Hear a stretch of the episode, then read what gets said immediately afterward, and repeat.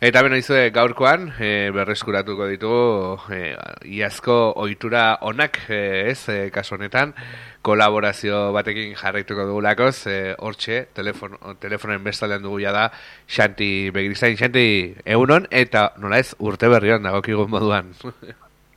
bai, bai, guretzat, biontzat, behintzat, e, urte berrion, eta Baina. gainera, urtea bukatu baino lehen ere, zenbait astetan izan, izan ginen, eh, elkarren berririk izan gabe, ez da?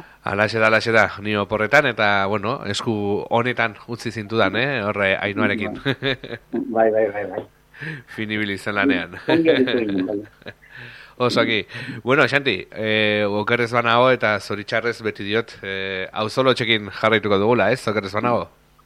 Bai, bai, orain dik, eh, gelditzen da, sail, sail bat. Mhm. Eta gauztu zaigu, berrogeita zazpi garrena, -hmm. eta izenburua du baionara bidaiak. Mm -hmm. Eta bueno, negozio ba, hasiko naiz besterik gabe. Noski baiet, sortxe da, ja, zurea daitza, nahi duzunean. Oso ba. Baionara bidaiak. Iruñeko udala aspalditik dako zenidetuta baionakoarekin eta arrazoi horregatik urtean behin baionar ordezkari politikoak Iruñeko udaletxera joaten dira San Fermietan. Egun bat ospatzera eta gozatzera. Abuztuaren hasieran beste horren beste egiten dute iruñekoek, baionako jaietan. Esan gabe doa, gastu guztiak bi udalek ordaintzen dituztela altxor publikoaren kontura. Gauza ezaguna eta jakina noski. Iondik ere ez dira zozoak. 2003 garren urtean ere, ohitura bera errepikatu zen. Eta nik, iruñeko udaleko zinegotzi moduan, erabaki nuen probatzea eta esperimentatzea ikusteko ea zein puntutaraino zen egingarria bidaia ura gurpilauki motordunean. Lendabiziko bidaia hartan, pertsona laguntzaile bat eramatea, erabaki nuen hainbat eta hainbat gauzatan lagun ziezadan. Bidaia nahiko normal joan zen, bai daño autobusa egokitu bat zegoen garai hartan gurpil aulkietarako egokitzen ziren modutsuan. Beraz, alde horretatik, kexa handirik ez. Behin bai egonda, lehenengo harrera, hango udaletxean egin ziguten bertako agintariek. Eraik, eraikin hartan, bazegoen igoailu bat, eta hortaz, han ere mugitzeko ezkenuen aparteko arazorik izan. Handik, Eliza batera eraman gintuzten beza entzutera. Lendabiziko urtea zenezkero, txintik ere esan gabe, jakin nahi nuen ea zer gertatzen zen Eliza haren barruen. Sartzeko eta ateratzeko ere ez dut gogoratzen aparteko oztoporik eduki izana. Beraz, behin sartu eta gero, mezaren xeetasunei erreparatu nien. Eta alde batetik ikusi izan nuen meza hartan behintzat irinekoetan baino asko zere euskara gehiago erabil zutela. Eta bai hitz lauetan, bai abestietan. Baina ala eta gutxi zere, iruineko eskuindarren artean, inor etzen ausartu protestatzera. Hori alde batetik. Eta bestetik, txistuak eta gaitak ere ausarki jozituztenik. Hala eta ere, bazkaltzeko ordua iritsi zenean, orduan bai esan behar dela oztopo arkitektonikoak azitzirela agertzen trumilka. Arazo handikoak eta konponbide zailekoak. Jantokia ez altziguten jarri ba, lehenengo edo bigarren solaidu batean. Horein bertan ez dut zehazki gogoratzen zen, zenbat solaidu ziren, baina eskailera maila asko eta asko zeudela, horretan ez dut, ez dut inolako zalantzari. Kontuan eduki behar da, nire gurpila ulti motordunak egun da hoi kilo inguru zituela. Beraz, ni zanlekuraino igotzeko, lauren, lauren bat pertsona indartxuk hartu behar izan zuten aulkia. Nekez eta ezer oso arizu ziren indarka komeria asko eginez.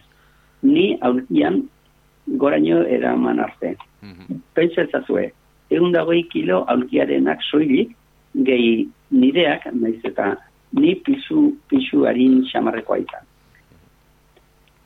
Nik pensatu nuen, pensatzen nuen, antolatzaileak, arduradunak, iruñeko eta baionako zinegotziak, alkatea, alkate ordea, eta bar, urduri asaldaturik eta kezkatuta ikusiko nituela egoera haren aurrean, baina ez, inolarez, han bakoitza bere kasazioan, nitaz eta morroiez bat ere asolatu gabe.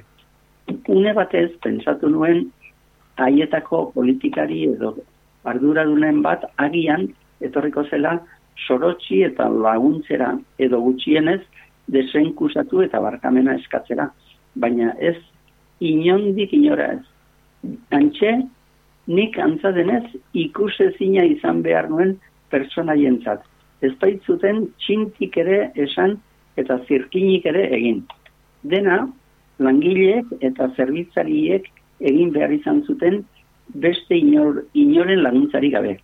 Politikariek deusez, eta bitartean, isi eta aja haien artean.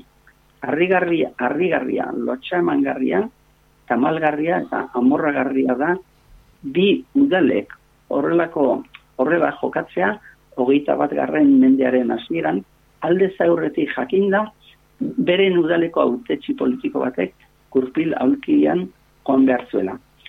Zer empatia, erresilientzia eta arreta gutxi erakutsi zuten egun hartan politikari haiek guztiek. Nonbait, ni bezalako pertsonak ez omen ginen oso garrantzizkoak eta errespetagarriak peraien zat. Bazkalundoan, jakina, lehen da bizi, geisteko e, arazo eta komeria berberak. Eta gero antzeko arazoak izan nituen zezen plazako nire kokalekuraino iristeko. Izan ere, han ere, han eraberean eskailerak zeuden igogailurik gabe nik ezarri beharreko tokiraino alegatzeko. Eta behin, behin baino gehiagotan esan dudan bezala, nien naiz soilik ez zezenketa zalea, baizik eta basakeria horren aurkako kartxua. Hala eta guztiz ere, bai honan zezenketa bat ikusteko lehen aukera zenezkero, aprobetsatu nahi izan nuen jakiteko zer gertatzen zen delako joko, kakotxen artean, delako joko hartan.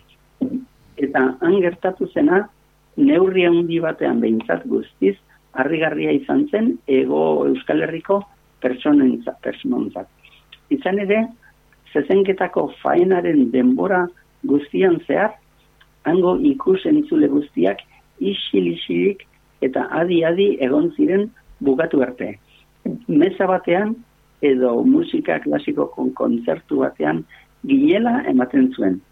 Soil-soilik zezenak akabatzen zituztenean, egiten zuten txaldo, edo hitz egiten zuten pixka bat ez sanfermietan bezala, baizik eta zeharo ezberdin. Eta augustia gutxi baliz bezala gainera, egunaren bukaera aldera, eta jardunaldiari amaiera borobila emateko edo, itzulerako bidea, bidean, ez algintuzten eraman ba, jatetxe partikular batera afaltzera. Zehazkiago hemen esan da, ba, muiroko bentako jatetxera oraindik gehiago jatera. Eguerdiko bazkaria oso oparoa izan zena, nonbait aski ez, eta oraindik gehiago bete behar omentzen sabela, inolako premiari gabe. Nik behintzat eduen bat ere gozerik. Baina hori bai, denen diruarekin ordainduta oraingoan ere noski. Gurearekin ez. Horrela, edo zein pertsona izan daiteke eskuza balestala. Eta bueno, ba, lehendabiziko bidaia arazotxu eta naziura bukatu ondoren, jakina, bigarren, bigarrena ere iritsi zen usterete ondoren. Gainera, bigarren bidaia hartan, jakin nuen, oiko laguntzaileaz gain, beste persona bat ere, bat gehiago ere, gonbidatzeko eskubidea genuela. Gauzakala, nik aprobetsatu nuen gurpil aulki motordun batean zebilen lagun bat gomidatzeko. Era hartan, ikusi nahi duen, ea iruñeko eta baionako udaleetako arduradun nagusiek zerbait ika, zerbait ona ikus, ikasia ote zuten lendabiziko bidaia hartaz. Alegia, ea askarmen, eskarmentu arekin atera ote zuten ondorio onuragarri den bat aurreko urteko akatz berbera ez errepikatzeko. Baina, bere alaxe ikusiko duzuen bezalaxe, ezin da esan, bigarren bidaia hartan ere, asko hobetu eta luzitu zirenik. Azteko eta behin, goiz hartan, ekarri ziguten autobus egokituko harrapala, ez zebilen, ez aurrera eta ez atzera. Beraz, ederki hasi ginen, ala jaina. Jarraian, antolatzaileek erabakituten taksi egokitu bana lortzea. Eta alaxe egin zuten. Baina horrek behartu gintuen nor, norbera bere aldetik joatera. joatera. Hau da, gombidatutako laguna taksi batean gitariarekin bakarrik eta nire laguntzailea eta biok bestean alegia nahi ez genuen bezalaxe behin baionata iritsitakoan berriro elkartu ginen gu irurok jarraian bat egin genuen iruñeko gainerako zinegotzi e, zinegotziekin eta alkate ordearekin eta handik hiriburuko udaletxera jo genuen denok elkarrekin aurreko urtean bezalaxe. Une hartatik aurrera, gehiena lehendabiziko bidaian bezalatxu errepikatu zen. Baina, jakina jantokiraino iristea orain honetan lan bikoitza izan zen. Bi pertsona bi, e, bi pertsona baikinen grupi lauki motordunetan giendozenak igotzeko eta jaisteko. Esan gabe doa inorketzuela aparteko beste inolako neurririk hartu. Hartu oztopo arkitektoniko latz eta nardagarri haiek gainditzeko ezpada dena zegoen bezala bezala usteko. Aldi hartan, aldi hartan ere, betiko langile xume eta apalek ordaindu behar izan zuten beren izerdiaz agintari nagusi eta arroputza, arroputzek egindako utxegite arduragabekeria eta utzikeria. Pascal ondoan, oztoko arkitektonikoak zituen zetzen plazara joateari uko egin genion, eta bitartean, Baionako katedral dotorea ezagutzera joan ginen irurok. Ura asko ere onuragarriagoa gertatu zitzaigun, zezenketa basatia eta ankerra ikustea baino. Eta alaxe, zezenak jokatutakoan eta iruieko gainerako pertsonekin elkartu ondoren, Nafarroako hiribururan zabiatu ginen, joan dako modu beren, hau da, gehienak autobusean eta beste irurok bi taksi dutan. Horain honetan ez dut ongi gogoratzen itzultzean afaltzeko ere gelitu ginen ez. Baina labur bilduz nik uste dut ozen esan behar dela bi bidaia haiek oso desegokiak izan zirela gurpil aulki motordunetan modu autonomoan ibili nahi zuten pertsonentzat. Beraz, zero borobila politikari eta antolatzaile haientzat. Ba, zero borobila jarriko genioke genieke guk ere bai e, hemenikan.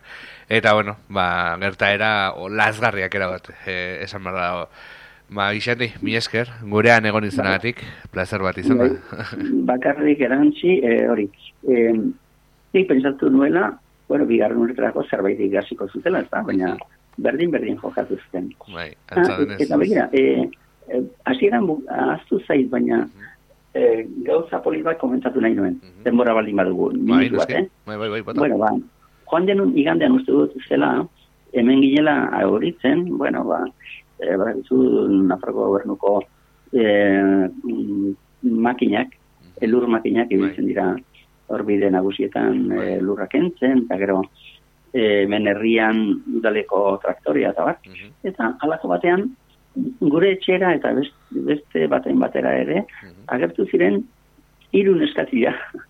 e, kasu honetan ustut izan zirela, naia, egoa eta jimena. Aha. Eta palekin eta horrela, eta orduan, ireki ziguten etxerako bidea. Eta ondoko etxean biziten e, Maria Luisa Astitzi ere bai. Uh -huh. Ez dakitzen bar etxetan eginen zuten hori, baina begira ze uh detalle polita egin zuten. Eta bueno, orduan hemendik eh ez dakiten inortu zunen ote duen, baina eskerrak eman naizkin, nahi genizkien, egindako jokaldi polit horrengatik. Ba, noski baiet oso jokali e, polita, oso jokabide polita egin zutena, eta eskertzekoa gainera, olakoak ere, bueno, ba, bueno, ez, e, e, pertsonengan sinestarazten e, jarraitzeko autua berresten digu, ez? E, ze, bueno, ikusita, hau zolotxak, ba, bueno, badira ere, kontrako bidean e, daudenak, ez? E, bintzat, e, bueno, e, gure, bai, zera, ez? Bai, gaineran, bai. aietako egun batean, gero Euskal Telebistan, e, ikusi duen e, auriz berrin ere esan zutela antzeko zerbait. Orduan, bai, bai oso elkartasun keinu polita da. Mm -hmm. Gu behintzat ez genien bat eskatu, baina begira. Mm -hmm. Orduan, gori ipatzeko ari duten zain. Ba, naxe da, ba, xandi, mi esker, gurean egon izan agatik, bi aste barro berriz ere izanen gara zurekin, mitartean, ongi izan, desarka bat. Bai, agur.